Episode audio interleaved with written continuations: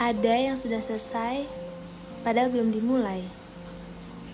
Ada yang tidak berkomunikasi, tapi tidak pernah ada kata selesai.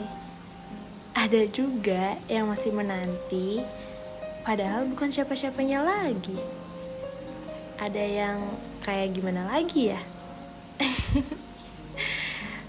ada yang lebih menyakitkan dari semua itu kah? Emang sih, semesta bercandanya suka kelewatan ya.